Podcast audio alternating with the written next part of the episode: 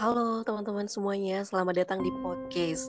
Udah lama update um, podcast ini dan sore ini ya di sini emang lagi sore jadi kita mau ngomongin hal-hal yang serem tapi masih sore jadi nggak apa-apa. Uh, aku udah ngundang temen aku yang dulu pernah sharing dua episode cerita-cerita seru tentang pengalaman horornya di sini dan kali ini aku undang lagi katanya dia lagi banyak banget stok cerita Halo Dwi. Halo kalian. Oke, ini suara aman ya? Harusnya aman sih, harusnya aman. Oke, kok aman. Nah, aku tadi lupa banget opening biasanya kayak gimana ya openingnya tadi jadi langsung halo halo aja. Aduh, udah lama nggak update sih soalnya. aku juga agak-agak lupa cuman pokoknya waktu itu tuh agak-agak serem gitu sih openingnya iya terus uh, uh, apa tuh kan nanti bakal ada background serem gitu sih. Cuman tadi aku kebingungan karena udah lama nggak record terus kebingungan sama teknis jadi ngeblank. Biasanya openingnya kayak gimana ya? Ya biarin aja lagi lagi sore gini juga nggak apa-apa. Mudah-mudahan masih tetap uh, terbangun suasana misterinya atau atau horornya nanti.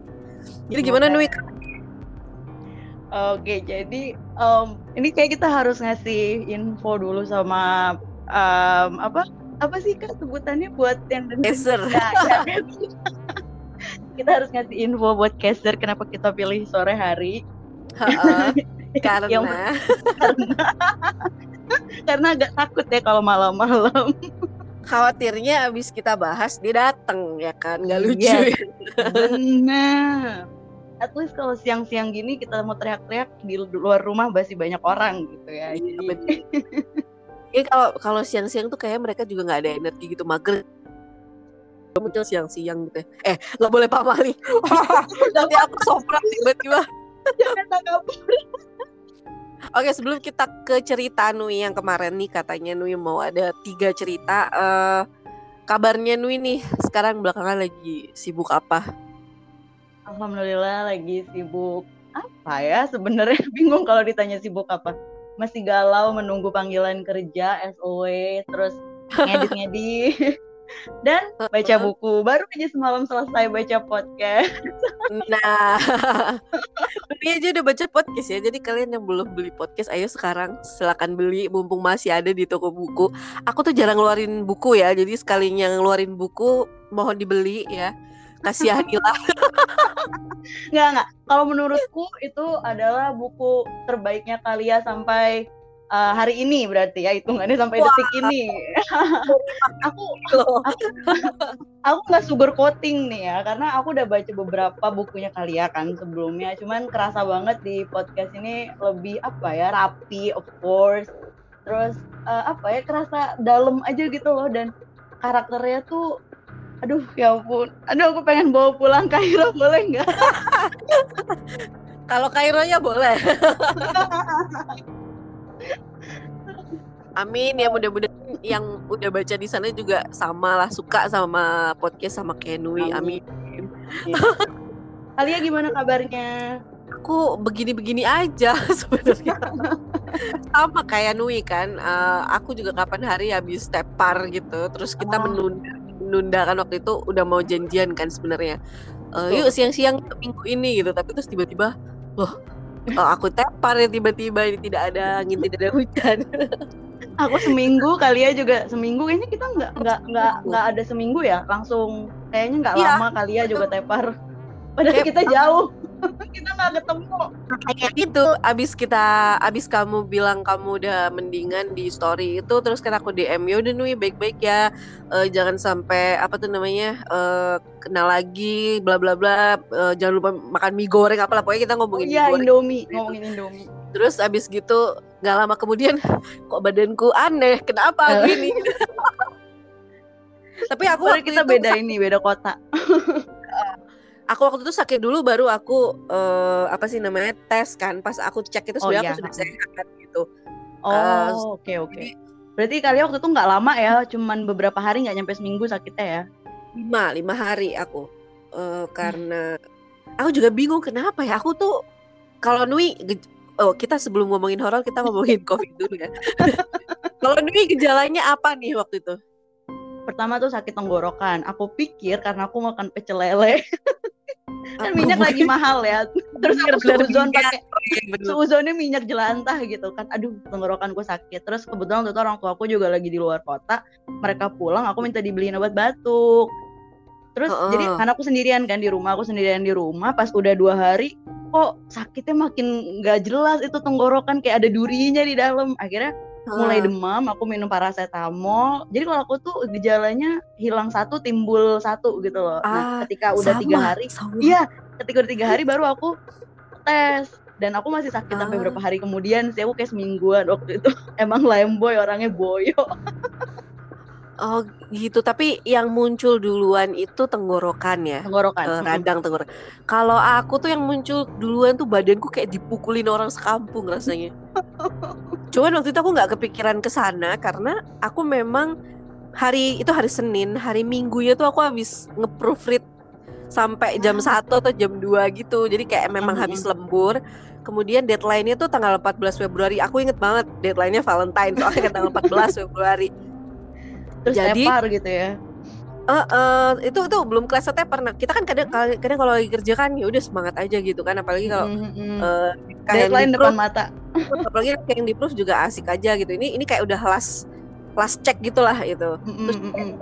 Terus lu ah besok aja gitu. Nah, Senin itu dari pagi sampai sore selain nge-proof tadi, aku juga lagi CP gitu. Jadi uh, justru aku belum lanjut nge-proof itu masih ngerjain yang lain ngerjain lain kemudian sore-sore itu kayak baru selesai ngerjain kerjaan di ECP aku ingat banget karena aku ngomong sama uh, Rani. Aku bilang uh, kak aku nanti lembur kata Rani gitu. Terus aku bilang eh itu bareng yuk. Aku juga nanti mau uh, mau beresin proofread tinggal dikit aku gitu. Uh, sekarang nih enggak aku kayaknya maleman. Soalnya badanku tiba-tiba capek banget. Siapa? Uh, Ran aku gitu mau kayak mau rebahan bentar deh sejam dua jam nanti jam 8 deh gitu. Itu habis maghrib kan jam 8 deh aku mulai gitu ngeproofnya kita. Oh yaudah ntar ntar kita uh, barengan. Kadang-kadang kalau lembur bareng tuh sambil chatting gitu kan. Mm, mm, mm. ya habis biar nggak ngantuk gitu ya lemburnya. Ya habis itu aku rebahan ketiduran. Bangun-bangun terus jam tujuh setengah delapan tuh ah ini ada hubungan sama mistis juga.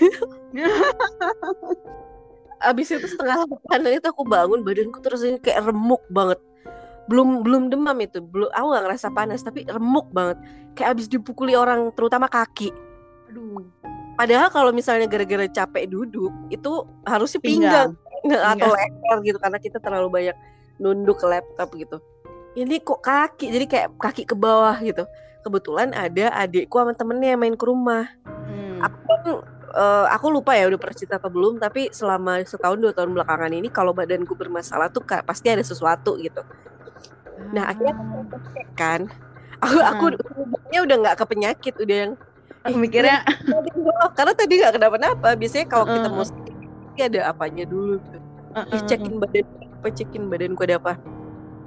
Dicek sama temennya adikku itu uh, dia dia bisa juga sih. Wah ada yang ada yang nempel nih mbak katanya dari mana? Aku nggak ke mana-mana gitu serius serius. Yaudah sini coba duduk tegak sini aku ambilin gitu. Di, di uh, dibikinin air hangat dulu. Minum udah habis itu diambil itu kan. Jadi dari punggung gitu diambil. Nggak pas abis uh, setelah diambil itu dia tuh bilang nih anak kecil nih agak bandel. Aduh aduh aduh aduh, ini sore-sore tapi aku merinding. tolong. Iya, terus aku bilang anak kecil aku dari mana? Terus anak kecil dari mana? Aku sih kirim apa oh enggak ini sengaja apa gitu. Ah bagus lah. Gitu. Ya udah ambil aja. Oh nggak lama kemudian ke, uh, kayak wah kayak gitu.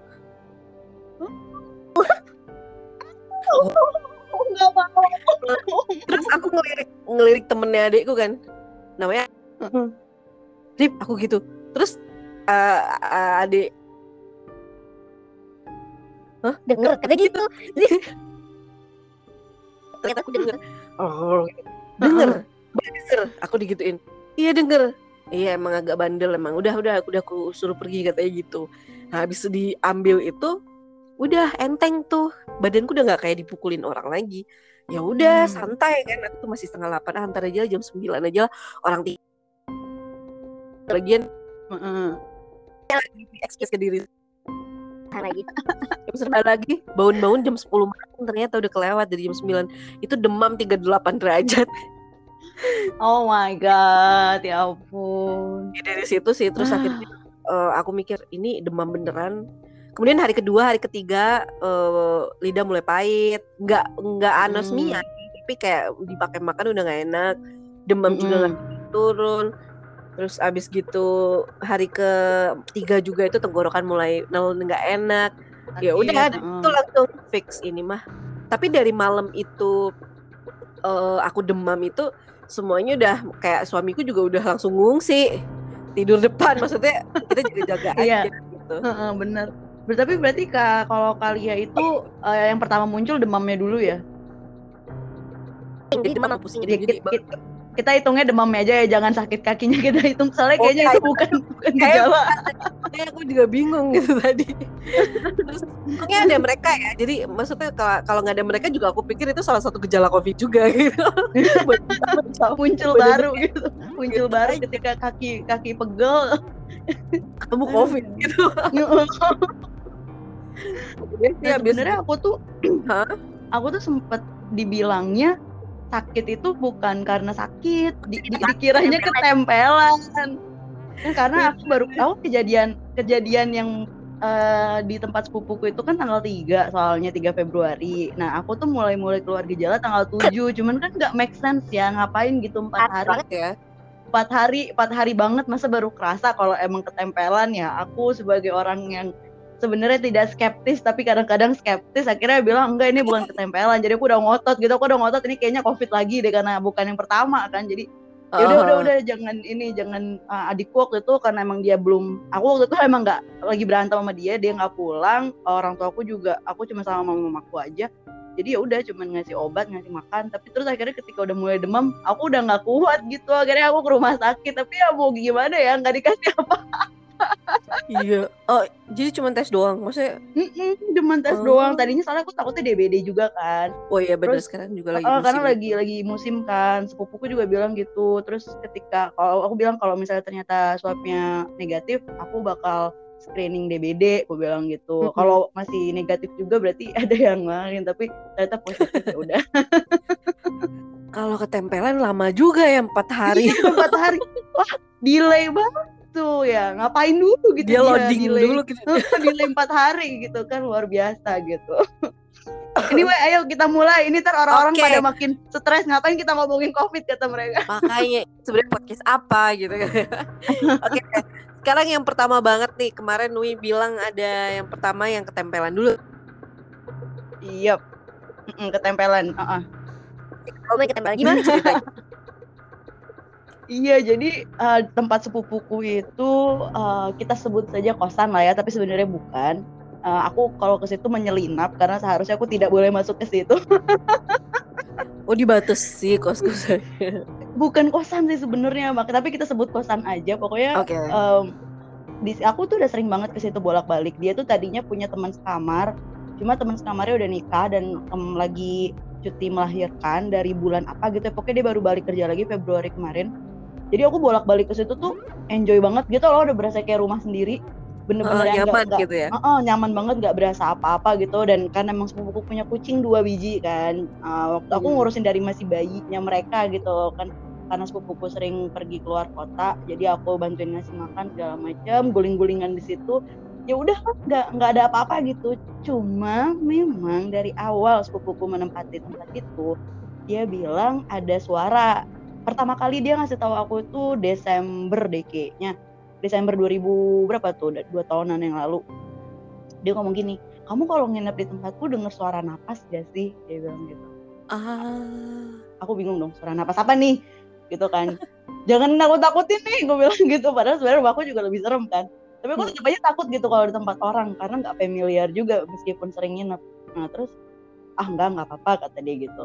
D tapi aku emang cuman pernah denger sekali waktu itu lagi nonton sama sepupuku lagi nonton startup btw startup kan aneh ya tiba-tiba ada suara startupnya Nam Juhyuk sama Aha. Suzy. Padahal bukan film horor ya, lama banget kan itu udah lama banget. tidak ada Bukan, pancingan horor bukan, gitu kan. bukan. Mm.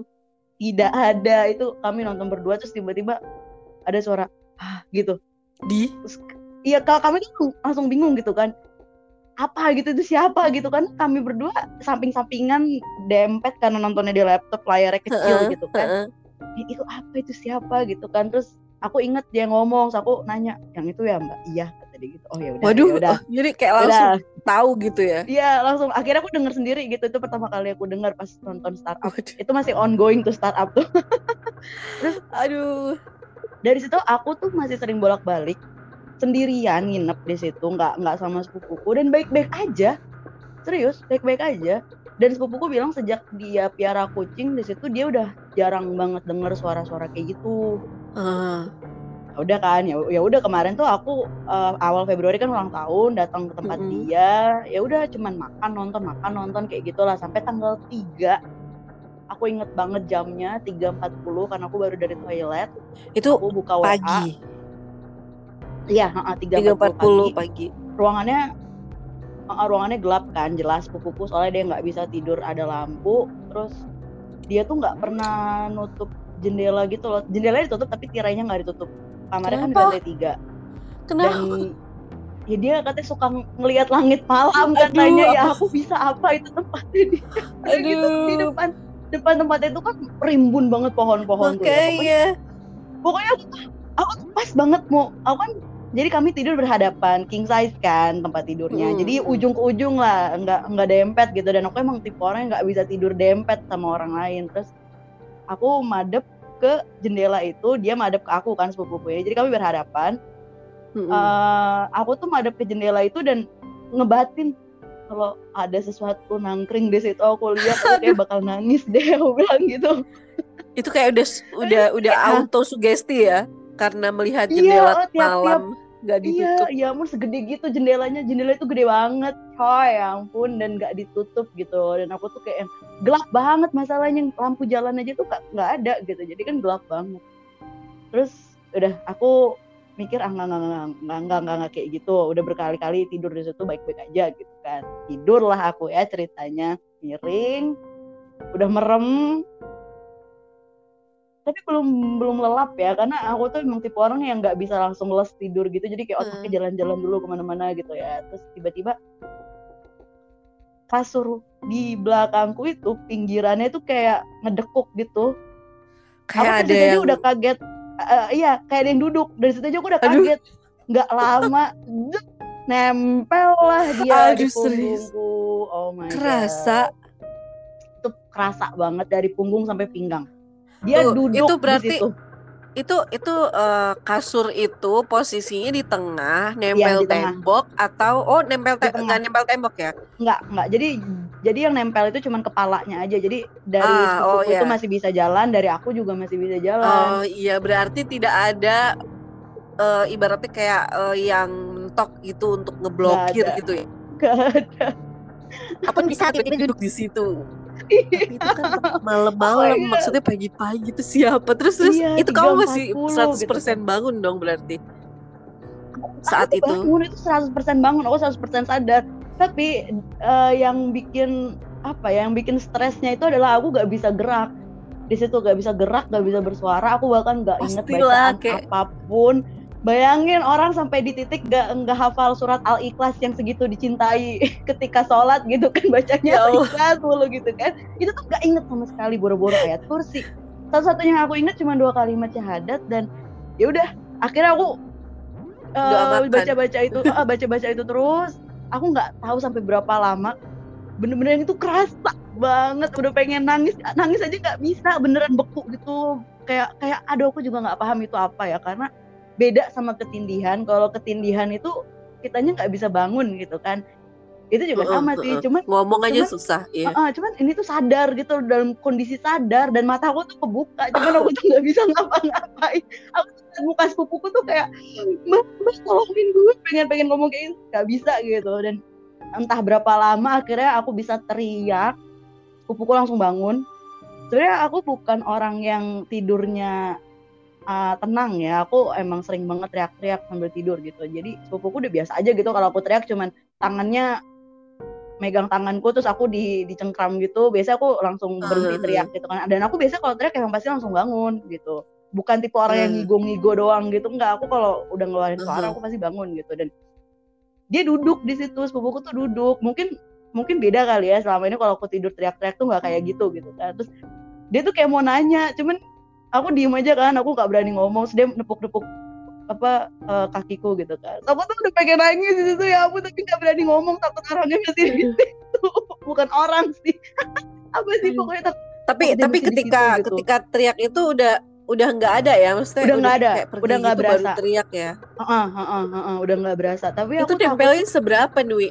Ya pokoknya dari punggung Maksudnya- sampai pinggang. Pokoknya kayak orang aja kak. Eh kayak kalau kakak tiduran, aku nempel di belakang kakak gitu duduk Enggak, di belakang maksudnya kakak. kan misalnya misalnya aku duduk duduk gitu kan di belakang Dwi gitu kan aku duduk itu kan berarti kan ya eh, yang aku tempel kan badan aku kan pinggangku kan Mm-mm. atau dia abis duduk rebahan Nggak nggak dia duduk doang. pinggang Dia ketemu duduk. pinggang apa punggung ketemu punggung gitu duduk aja eh, duduk, duduk dan aja. nempel gitu eh, eh, eh, eh, oh my god nempel. aku merinding Dan yang bikin apa ya? Yang bikin aku sampai sekarang kalau inget merinding banget tuh karena aku ngeh banget dari pas tempat tidurnya ngedekuk. oh Karena iya itu aku- kerasa mm, banget sih Iya, karena kerasanya dari situ. Kalau misalnya cuma tiba-tiba dia nempel gitu dong, mungkin aku kayak yang ya udah gitu kan. Tapi itu bener-bener kayak pelan-pelan kayak dia tuh Iya, ngajain iya, gitu. iya, iya. aduh Please deh gitu, rese ya banget ampun. Sumpah, aku ya ampun itu kayak yang aku tuh masih nggak tidur sampai berapa lama gitu. Sepupuku udah ngorok lagi, terus tiba-tiba di lorong tuh aku denger suara gitu kan. Terus aku kayak aduh pengen gue bangun nih, tapi tadi dia marah-marah karena dia harus kerja kan paginya. Heeh. Udah jam segitu Jadi- gitu kan, ada suara di lorong. Gue bilang, setelah tadi dia bangun eh, pas kamu teriak itu dia nggak nanya ya maksudnya kenapa terus Enggak, atau kamu enggak. cerita dulu tuh enggak Nggak, jadi kayak sama-sama tahu tidur Iya karena dia mikirnya aku mimpi buruk aja karena aku emang Ah. punya eh, apa sih kebiasaan tidur kayak gitu jadi dia nggak heran gitu. Pokoknya dia tahu kalau aku datang ke situ dan lagi kayak gitu ya udah biarin aja. Kalau aku nggak mau cerita dia nggak akan nanya gitu kan.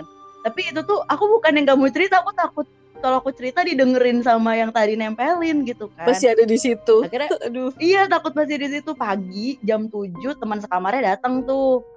Masuk kan tiba-tiba. Nah terus uh, aku diem dulu. Akhirnya aku ngomong di situ mbak semalam ada yang nempelin aku. Aku bilang gitu. Terus teman sekamarnya langsung lo jangan pulang dulu ya gue gue balik sama lo ya. Kata dia gitu. Dia juga Aduh, takut. lemes Tapi banget apa ya maksudnya kan baru sih baru banget. Karena sepupuku ya balik lagi dia kan orangnya lebih berani dari aku dan dia biasanya cuma dengar suara napas aja gitu kan. Makanya aku wah heran heeh. kenapa aku? Kenapa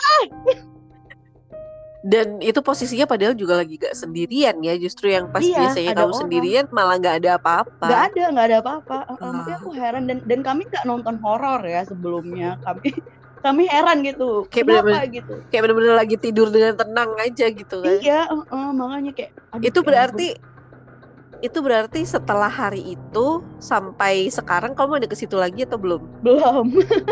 Belum karena karena selain habis isoman juga emang belum aja ya? Belum berani aja sih kayaknya. Belum cuma aku kangen sih sama anak-anak kucingnya. Tapi gimana ya? Aku takut. Itu apakah bisa diusulkan agar kasurnya nempel ke tembok aja gitu biar tidak tadinya tuh nempel ke tembok kak. Tadinya tuh nempel ke jendela malah. Karena kan sepupuku wah tidurnya di situ lagi. Ya itu lebih horor kan nah itu sama dia udah dipinggirin apa udah diketengahin sama dia terus mejanya dia yang dipindahin. Dan aku tuh udah kayak yang aduh gitu kan. Tapi nggak tahu ya sekarang. Soalnya kemarin pas aku lihat Instagram story-nya dia kulkasnya agak pindah. Aku nggak tahu kalau dia bebenah lagi. Dia adalah tipe orang yang seneng banget pindahin perabot. Jadi siapa tahu udah dipepetin ke tembok. Tapi aku belum berani lagi. Gara-gara Karena insiden itu ya. Iya, gara-gara insiden itu. Ya ampun dan habis itu sakit pula. Sampai dipikir gara-gara ketampelan. iya seharusnya kalau lagi itu gara-gara itu mungkin besok demam gitu Mm, mm-mm. pakai berapa hari Dia delay. itu akhirnya terbukti Dia kalau delay. bukan ya Bukan, alhamdulillah. Aku sih nggak tahu ya, maksudnya itu maksudnya dia itu apa dengan nempelin badanku mungkin karena aku lebih empuk daripada sepupuku aku juga nggak paham tapi tapi pokoknya aku udah kayak yang sekarang tuh bahkan di rumah aku belum pernah tidur matiin lampu biasanya aku pakai lampu tidur terus biasanya tuh aku hmm. guling ya udah gitu kan tapi sekarang tuh guling ada di belakang badanku ya Allah iya sih kalau misalnya aku jadi duit juga agak trauma juga sih antara iya. aku pakein belakang ada guling atau bantal atau enggak ya kasurnya aku pepetin ke tembok biar enggak apa ya habis gitu uh, tidurnya kayak menggugit tembok gitu biar gak tiba-tiba ada yang nempel lagi di belakang. Tapi gak tau ya ntar munculnya di depan. Iya jangan deh jangan dibahas. Trauma. Aduh ngeri juga. Apalagi tuh di rumah orang lah istilahnya di kosan orang iya. iya oh, istilahnya tempat orang gitu. Jadi kayak apakah yang, setelah apakah setelah sekian lama dia akhirnya kepengen kenalan gitu tapi kok kayak telat banget gitu ya? Aku nggak ngerti juga sih ya tapi uh, apa mungkin apa ya aku nggak ngerti sih memang waktu itu kayaknya mungkin akunya yang memang tak kabur kali ya. Karena uh, apa sih ngerasanya kayak ya merasa invisible aja gitu loh. Kayak uh, ah, ya gue baik-baik aja gini-gini gitu-gitu. Terus kayak yang kayak itu kan aku bilang karena aku sempat kepikiran takutnya ada yang nangkring di pohon. Tapi terus kayak yang uh, ya, apa bener. sih salah satu dia kan sisi otakku yang uh, uh, sisi ya, otakku yang menyebalkan itu bilang halah kayak gituan doang. Kayak gitu-gitu loh kayak menyepelekan gitu loh. Itu itu itu menurutku yang uh, seharusnya aku tidak melakukan itu gitu harusnya habis dari kamar mandi langsung merem aja gitu ya Aduh ya ampun Oke, okay. itu cerita pertama tuh. Cerita yep, belum juga belum apa-apa udah aku tadi merinding beneran ngebayangin kalau tiba-tiba punggungku beneran ada yang nempelin pas lagi dini hari gitu. Waduh, nggak kebayang iya, sih. Jam setengah empatan dan itu subuhnya masih agak lama ya. Soalnya iya, kalau misalnya bener. dan di situ nggak kedengeran suara azan sama sekali sih. Jadi percuma juga sih nggak akan ini kadang tuh kalau misalnya bangun tengah malam gitu kita kadang mm -hmm. ngerasa lebih aman gak sih kalau abis itu denger suara ngaji-ngaji ya kan? Bener kayak lebih adem kan. gitu. Uh, uh, uh. Nah, ini tuh enggak karena emang nggak pernah kedengeran jadi. jadi kayak sunyi aja gitu tiba-tiba ada yang nempel tiba-tiba hilang aduh. Aja. Aduh ya ampun. Mudah-mudahan nanti habis ini kalau misalnya Nui main ke kosan uh, sepupunya Nui lagi ada update ya. Tapi mudah-mudahan gak ketemu lagi. Cuma maksudnya oh, update-nya mudah-mudahan yang kayak aku oh, habis nginep sana tapi aman nah mudah-mudahan yeah, update-nya yeah. kayak gitu. Amin, amin. Oke, okay, kita mulai ke cerita kedua lagi nih. Ini kayaknya kita lama nggak ngobrol, terus jadinya update-nya agak banyak ya, Nui ya. Oh iya, tadi kita pembukaannya aja udah 15 menit sendiri kayaknya. nah, ada apa lagi nih? Jadi pas uh, yang ini tuh di rumah dan ini aku belum sempat share ke Instagram story karena jujur aja aku udah capek ya. udah capek kenapa aku digangguin mulu? Ada nggak sih Nui yang nanya gitu ke IG maksudnya kayak kan Nui nggak update lagi diganggu lagi gitu ada nggak? Kecuali aku nih ada. aku ada kak ada. Terus, oh ada. Uh, ada yang nungguin ada juga tuh ya iya ada yang nungguin tapi banyak nungguin cerita adikku sih dan aku tuh heran oh, apa sih iya, yang nungguin gitu kan. Tapi mereka lebih suka ya lebih suka kalau aku digangguin kayaknya biar ada cerita gitu kan. Jadi ini tuh kejadiannya akhir Februari pokoknya aku udah sehat lah ya aku udah sehat tapi adikku masih belum pulang ke rumah karena uh, balik lagi dia sibuk. Jadi ini aku menceritakan konteksnya dulu ya. Jadi setelah okay. pulang dari sepupuku itu kan tanggal 3 Februari aku, aku tuh sama adikku cuma berdua di rumah karena orang tua aku lagi keluar kota pokoknya mereka tuh keluar kota sampai baru pulang tanggal tujuan gitu adikku itu kan punya bengkel di samping. Harusnya dia pulang ke rumah setiap malam dong. Dan karena dia orang terakhir masuk ke rumah, harusnya dia yang ngunci pintu. Jam yeah. sebelasan kayaknya aku masih ngechat dia nanyain mau makan atau enggak gitu kan. Karena aku mau pesen makanan jam 11 malam. Terus dia bilang, usah gue makan sama temen gue kata dia gitu. Oh oke. Okay. Ya udahlah. Dan aku si bodoh sampai jam 2 melek itu enggak nggak kepikiran buat ngecek adikku tuh pulang atau enggak gitu kan. Karena ya bengkelnya di samping rumah cuma tinggal loncat gitu kan mau ngapain dikejar-kejar bocahnya gitu. Udah mm -hmm. aku tidur lah dengan polos jam 6 pagi aku bangun aku kaget karena pintunya nggak dikunci semalaman. Oh my god gimana aku kamar coba. Kan serem manusia iya bener-bener itu kalau ada yang masuk ya ampun. lebih aku aku marah banget di situ. Setelah sekian lama nggak pernah berantem sama adikku di situ berantem. Aku ngechat dia marah-marah. Dia nggak ada pembelaan dia nggak pulang nggak tahu ke mana. Tapi dia sempat update jam 3an gitu di storynya dia. Dia pergi naik motor gitu temen-temennya kayak dek lo lo tuh mikir ya dek. Lo gue emang kakak lo tapi kan lo yang dititipin sama orang tua lo gitu kan ya. Ini rumah nggak mm. nggak cuman tanggung jawab gue gitu kan. Terus kesel mm. gitu loh kalau misalnya nggak pulang bilang dong gitu. Kan akhirnya aku marah aku blokir ya aku kayak gitu kalau marah. Okay. aku blokir aku kunci itu gerbang rumah. Jadi dia nggak bisa pulang sampai orang tuaku pulang. Wah. Itu selama nggak pulang dia di mana? Di bengkel Iya kan bengkel itu kan di sampingnya rumah oma. Jadi kan selama ini dia juga uh. emang jarang tidur di rumah. Uh, tidurnya uh. emang di hmm. rumah oma kan nemenin oma karena oma sendirian. Dia punya kamar juga di situ. Jadi ya udah. Uh. Gitu. Cuman memang di di tempat oma itu nggak ada makanan. Makanannya kan di dapur sini gitu. Uh, uh, Tahu tuh dia bertahan hidup udah. kayak gimana. intinya intinya pas saat itu tuh karena marah ya. jadi udah terserah lu aja di luar gimana gitu. Marah ya. banget. Karena Iya karena itu bener-bener apa ya itu nggak bertanggung jawab banget gitu loh. Aku marah banget posisinya di situ apa ya gimana ya maksudnya itu bahaya gitu loh kak karena bener, bener. ketika dia ngelakuin kesalahan apa pun aku biasanya nggak pernah marahnya yang kayak gitu. Aku ada tipe orang yang kalau marah ya udah gitu semua keluar abis itu udah. Tapi yang kemarin tuh aku beneran marah sampai yang kayak aku mikir ya udah gue gak punya adik lo juga gue nggak apa-apa gitu. Oke. Okay. Sampai mau ini gitu, sampai selebay itu emang karena segitu marahnya gitu. Nah udah gitu selama dia nggak pulang ke rumah aku sendirian kan. Dan itu tuh aku tuh gengsi mau bilang dia kalau aku digangguin lagi. Karena emang pas aku di sendiri terus denger mulut suara langkah kaki di rumah ini gitu kan. Dan itu di mana? aku nggak berani turun kalau udah di, itu di bawah? nggak kedengeran banget di tangga. Di di kamu uh, di kamar? di, kan aku tiga lantai ya. Nah aku kan di uh. kamar. Biasanya uh, aku kan duduk di meja kerjaku ini deket pintu ya dan biasanya tuh kedengeran banget kalau ada langkah kaki di tangga dan aku hafal semua langkah kaki keluarga aku gitu. Tapi yang hmm. waktu itu bukan keluargaku ya ya kan emang gak ada siapa-siapa juga gitu. Iya iya. Cuman aku pikirnya ya udahlah gitu kan dia di luar dia nggak di dalam sini aku mikirnya gitu dan lagi hmm. aku sendirian aku mau gimana? gitu kan. Terus Uh, bukan sesuatu yang baru sih sebenarnya langkah kaki tuh. Mamaku juga sering dengar kalau misalnya lagi nonton TV nih di lantai dua tiba-tiba tuh kayak ada suara langkah aja gitu di bawah di garasi. Karena suaranya tuh bergema gitu loh di, di garasi itu kan ada ada hmm. kamar dua kosong terus ada gudang satu.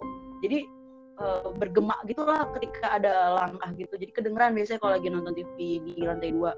Cuman aku baru sih dengar ada langkah kaki ke lantai tiga itu dan karena aku sendirian kayak ya mau gimana ya mau apa lagi gitu. Dan aku udah baikan sama aku sakit btw emang gitu ya kalau kalau udah yeah. sakit. Iya yeah, benar benar. uh, abis itu uh, seminggu. Seminggu ya seminggu setelah aku sehat aku dengar suara orang nangis di kamar adikku di kamar adik kamar adikmu itu di lantai? Di tiga juga. Semua kamar di lantai tiga yang dipakai ya. Hmm. kalau yang di lantai hmm. satu itu kan harusnya buat ART tapi tidak punya ART jadi kosong. Hmm. jadi yang diisi cuma yang di lantai tiga